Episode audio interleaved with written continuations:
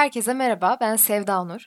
E, Bu podcast kaydımda öğrencilik hayatımla ve geniş anlamda öğrencilikle ilgili kapsamlı bir konuşma yapmayı planlıyorum. Öncelikle ben Yeni Medya ve İletişim 3. sınıf öğrencisiyim.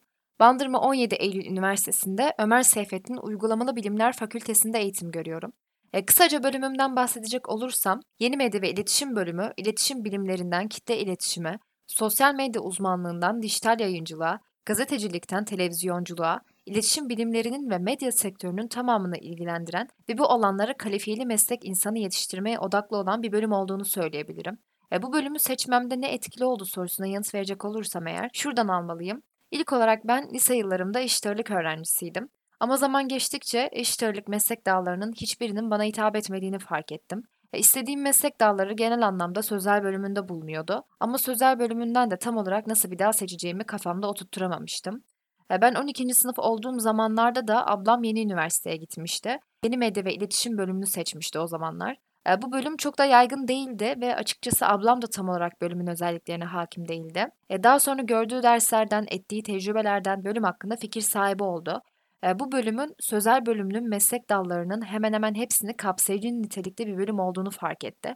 Bunu ondan duyduğumda ilgimi çekti açıkçası ve ben de biraz araştırdım. Gerçekten de bu şekilde olduğunu gördüm. Örneğin halkla ilişkiler, pazarlama, reklamcılık, kurgu teknikleri, yeni medya, e, kriz iletişimi, sosyoloji, iletişim hukuku, televizyon haberciliği, marka iletişimi, sinema kuramları gibi daha saymayı unuttuğum birçok bölümün alt dalları niteliğinde kapsamlı derslerin bulunduğunu fark ettim.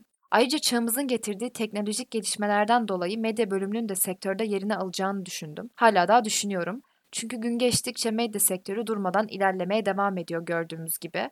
E, her şey dijitalleşmeye başladı diyebiliriz. Özetle bölümü seçmemin nedeni geniş yelpazeli bir bölüm olması oldu. Bir de bunun yanında önü açık bir bölüm olduğunu düşünmem oldu. E, tabii ablamın bu bölümü okuması ve tavsiye etmesi de kararımda oldukça etkili bir nokta. Anlayacağınız Bandırma 17 Eylül Üniversitesi Devlet Üniversitesi olarak ilk tercihimdi. E, orasının tutmasını ablamla üniversite hayatı yaşama deneyimi tadacağım için de çok istiyordum. E, nitekim böyle de oldu. E, ben Bandırma'da ablam ve yakın arkadaşımla birlikte yaşıyorum. E, bu durum ekonomik olarak bana ve aileme avantaj sağladı. Sonuçta Bandırma öğrenci şehri bile olsa kiralar çok yükselmiş durumda. E, yakın arkadaşlarım ev bulmakta hatta bulsalar bile kirayı denkleştirmekte çoğu zaman zorluk çekiyorlar. Ve her geçen gün dengesiz bir şekilde kiralar artmaya devam ediyor. Bu sebeple de bahsettiğim gibi ablamın Bandırma'da okuyor olması gerçekten benim için çok büyük bir şans. Resmen üniversite hayatına bir sıfır önde başladım diyebilirim. Ee, ablamla yakın arkadaş gibiyiz ve bana kendimi hiç yalnız hissettirmedi. Keza yakın arkadaşımla da aramız çok iyi. Ee, bir de kedimiz var, bunu unutmamak lazım. İsmi Shiba. Hatta Shiba okulumuzun bir tanıtım videosunda bile oynamıştı. Ee, kendisi de öğrencilik hayatımı mükemmel kılan şeylerden bir tanesi. Bandırma hakkında da size şunları söyleyebilirim. Ben zaten Karamürselliyim ve orası da Bandırma gibi sahili olan küçük, gençlere yönelik bir şehir. Yani zaten küçük şehirde yaşayan biri olarak Bandırma'da olmayı çok da yadırgamadım. Sadece tek sıkıntım Bandırma öğrenci şehri olsa bile çok fazla öğrenciye yönelik mekanların, aktivitelerin bulunmamasıydı.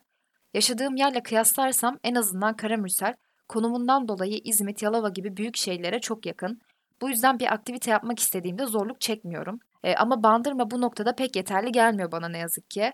E, bir de Bandırmamızın rüzgarı pek meşhurdur ve kışları kasvetlidir. Ha, bir o kadar da soğuk olan bir şehirdir. E, bunu söylemeden geçemeyeceğim çünkü çoğu zaman dışarı çıkmamıza, okula gitme isteğimize engel olan e, en büyük sorunlardan biri bunlar. Bandırma'da fikrimce güzel bir öğrencilik hayatı yaşamanın asıl temelinin güzel bir arkadaş ortamının olması olduğunu düşünüyorum. E, çünkü en sıkıcı yerleri, durumları bile mükemmel kılan şey dostlarımızdır. E, tabii ki bununla birlikte okulunu, bölümünü, öğretmenlerini sevmenin de şehri sevme konusunda çok büyük katkısı var. E, Böyle söylediğimde Bandırma sanki çok sıkıcı bir yermiş gibi gelebilir size. Ama kendine has bir güzelliği var tabii ki de bunu es geçmemek lazım. Örneğin Erdek adında Balıkesir'e bağlı ve Bandırma'ya çok yakın bir ilçe bulunuyor. Bandırma'ya 15 dakika bir mesafede, tam bir tatil yeri, harika bir havası ve denizi var. Kesinlikle yaz gelince topluca kamp ya da tatil yapmak için iyi bir seçim. Okul dönemi pek yaza denk gelmiyor ama havaların ısındığı an bol bol değerlendirilmesi gereken bir aktivite olduğunu düşünüyorum ve öneriyorum da. Ee, kısacası Bandırma genel anlamda küçük, sahili olan, tatlı ama kendi halinde bir şehir denebilir. Ee, bazen tek düzelikten sıkıldığımızda üniversitemizde düzenlenen etkinlikler bizi mutlu ediyor. Üniversitemizde birçok topluluk var ve bu konuda gerçekten aktifler. Ee, yeni gelen öğrencilerimiz için birçok seçenek mevcut yani. E, kendimden örnek verecek olursam ben aynı zamanda medya iletişim topluluğunun kulüp üyelerinden biriyim. Hatta kulübümüzün yöneticilerinden biriyim. E, zaman zaman sponsor bulabildikçe arkadaşlarımızın eğlenebileceği, aynı zamanda bize önemli şeyler katacak nitelikte faaliyetler düzenlemeye çalışıyoruz.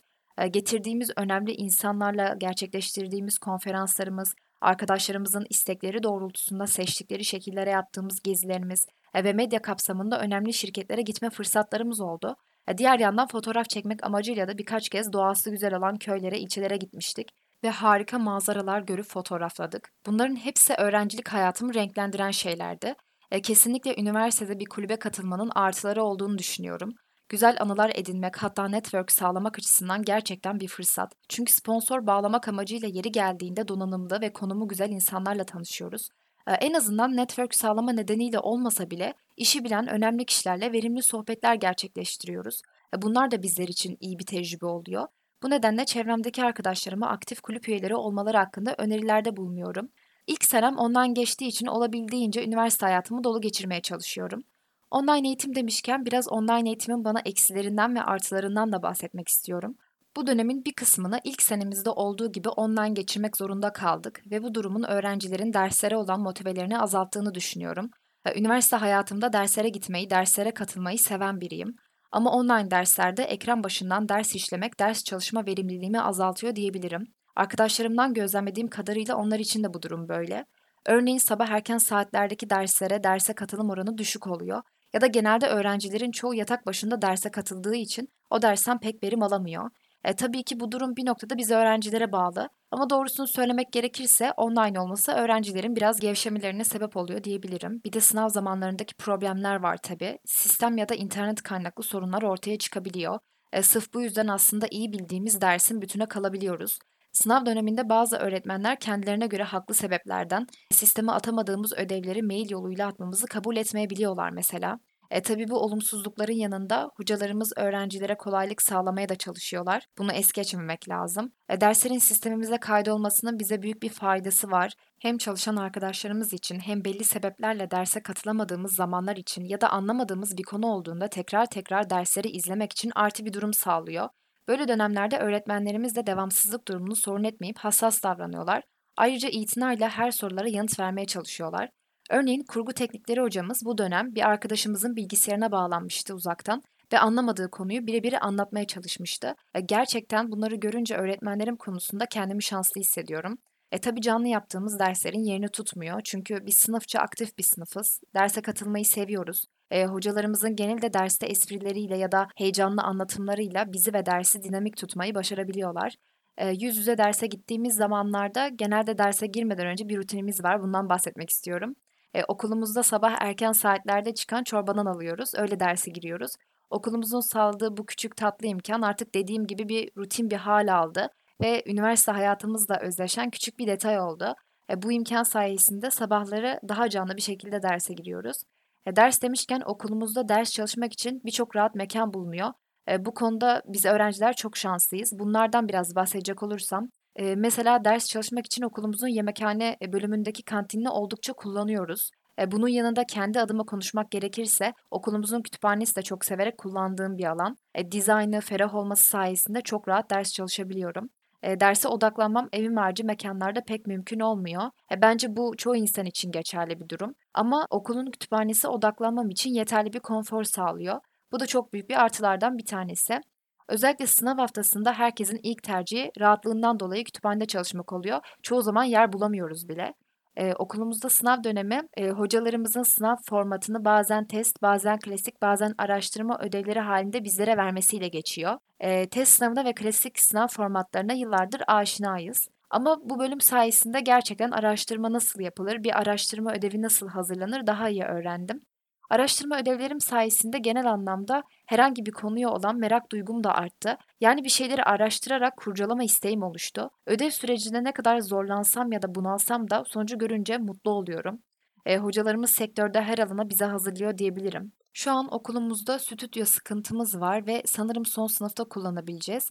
E, bu bizim için çok dezavantaj bir durum. Yine de hocalarımız ellerinden geldiğince bu eksikliği kapatmaya çalışıyorlar. E, yeri geldiğinde sınıfa kendi ekipmanlarıyla geliyorlar ve ellerinden geldiğince bizleri bilgilendirmek için çabalıyorlar gerçekten. Hatta zaman içinde öğrettikleri günlük hayatımıza da işliyor. Mesela bu bölüm sayesinde rutin hayatımda birkaç yönden bakış açım değişti. Ee, örneğin bir sinema filminde kameramanın o sahneyi nasıl, hangi açıdan çektiğine daha önce hayatımda asla dikkat etmezdim. E, insanların dikkat ettiğini de düşünmüyorum açıkçası. Tabii bu bölümü okuyanlar hariç. E, şu an film izlerken oturup arkadaşlarımla bu konu hakkında konuşuyoruz. Hatta bazen filmin sahnelerini kaçırdığımız bile oluyor. Ya da sosyal medyada bir reklam kampanyası gördüğümde hiç üzerine tıklayıp kampanya nasıl yapılmış diye bakmazdım. Ama şu an ilgimi çekiyor mesela. En basit alışveriş yapmak için Trendyol'da gezerken bile bir marka gözüme takıldığında gidip markayı sanki marka analizi yaparmış gibi araştırdığım oldu. Gerçekten kendimde fark ettiğim ilginç anlar oldu bunlar. Ya da telefonu elime alıp Instagram'da Reels ya da kurgu videoları izlerken bile videonun nasıl kurguyla düzenlendiğini inceleyebiliyorum. Ee, herhangi bir hata görünce kendi kendime eleştirebiliyorum. Tabii ki bunlar okuduğum bölüm gereğince doğal geliyor kulağa ama aynı zamanda bölüme gerçekten ilgim olduğunu da anlıyorum. Kendimi böyle görünce de mutlu ve motive oluyorum. Ee, ilk sene kariyer planlama dersim vardı ve derse giren hocam bölümümüzü sevmenin çok önemli bir rolü olduğunu söylemişti. E, bu duyulması çok klişe bir cümle esasında ama kendimi gözlemlediğimde ne kadar önemli olduğunu şu an daha iyi anlıyorum. E, kendimi olabildiğince geliştirmeye çalışıyorum. Bazen motivasyonumun düştüğü çok zaman oluyor. Çünkü ileride rekabetin çok yüksek olduğu bir sektörde çalışacağız. Bunları düşündükçe koca bir buhrana girebiliyorum. Ve böyle zamanlarda kendimi rahatlatmak için hemen motivasyon podcastleri ya da TEDx konuşmaları dinlemeyi tercih ediyorum. E, bunların insan psikolojisinde etkili olduğunu düşünüyorum. Hatta zaman zaman kişisel gelişim kitapları okumaya da özen gösteriyorum. Bir motivasyon konuşmasında başarılı öğrencilerin yolu aramakta değil, yolu koşmakta olduğunu dinlemiştim. Bu cümle beni çok etkiledi. Bazen üşengeç olduğum anlarda ya da motivasyonumun ders konusunda iyi olmadığı zamanlarda aklıma hemen bu kesiti getiriyorum ve hareket etmeye kendimi zorluyorum. E, olabildiğince kendimin iyi olduğu versiyonlarımı ortaya çıkarmaya çalışıyorum. Hatta bir kitapta kirpi metodu tekniğini okumuştum. E, bunu aldığım ya da dediğim gibi enerjimin düşük olduğu süreçlerde bu metodu sık sık kullanıyorum. Açıklayacak olursam kirpi metodu bir sorun olduğunda kirpi gibi yumulup problemleri içinde çözmeye çalışmak demek. Aynı zamanda dış dünya ile kendini o süreç içerisinde soyutlamak demek. Bunu kendi içimde uyguluyorum ve problemi çözene kadar da devam ediyorum. E, bu metot kendimi dinlememi, kendimle düşünmemi, kendi isteklerimi öğrenmemi sağlıyor. Aslında derslerim dışında özel hayatımda da bu metodu çokça kullanıyorum. E, zihnimi iyi anlamda manipüle ediyorum diyebilirim. E, ders ve okul sürecimde rahatlamamı sağlıyor açıkçası. Bunun yanında arkadaşlarımla sohbet etmek, birbirimizle karşılıklı kaygılarımızı paylaşmak, hocalarımızın derslerde tavsiye ve motiveleri de gerçekten bana iyi geliyor. E, kitap okumak zaten başlı başına rahatlatıcı bir eylem, bunu saymıyorum bile. E, gerek dersle ilgili olsun, gerek dediğim gibi motive edici, kişisel gelişime odaklı kitaplar olsun, öğrenciler için önemli materyaller. Ama maalesef ki her geçen gün kitap fiyatları da çok artıyor. Bu da konuşulması gereken ayrı bir konu. Öğrencilerin temel ihtiyaçları kitap alma isteklerinin önüne geçiyor. Günümüzde bu şekilde kendimden ve arkadaşlarımdan gördüğüm kadarıyla gerçekten üzüldüğüm bir nokta. İlk üniversite senemde dörtten fazla kitabı 100 lira kadar cüzi bir rakama aldığımı hatırlıyorum. Gerçekten şaşırtıcı. Şu an bir tanesini belki bu fiyata alabiliriz ya da bilmiyorum alabilir miyiz? Kitapların bu kadar pahalı olması mantıklı bulduğum bir konu değil. Hele ki her sene YKS sınavına giren arkadaşlarımız var. Onların kitap almak zorunda olduğunu bilmek çok üzücü gerçekten de. Hele ki kitaplar bu kadar pahalıyken. En basiti içeriği güzel ve kaliteli birkaç test kitabı edinmek istesek fiyatları dudaklarımızı uçuklatıyor. Benim de YKS sınavına hazırlanan erkek kardeşim olduğu için bu duruma yakınen şahidim. E, bence eğitim öğretim odaklı bir ülkede öğrencilere olabilecek olandan da fazla yardım edilmesi gerektiğine inanıyorum. Sonuçta her şey geleceğimiz için, sonuçta her şey öğrenciler için. Bu podcast konuşmamı da böyle bir cümleyle bitirmiş olayım o zaman. Benim üniversite hikayem bu şekildeydi. Beni dinlediğiniz için çok teşekkür ederim. Hoşçakalın.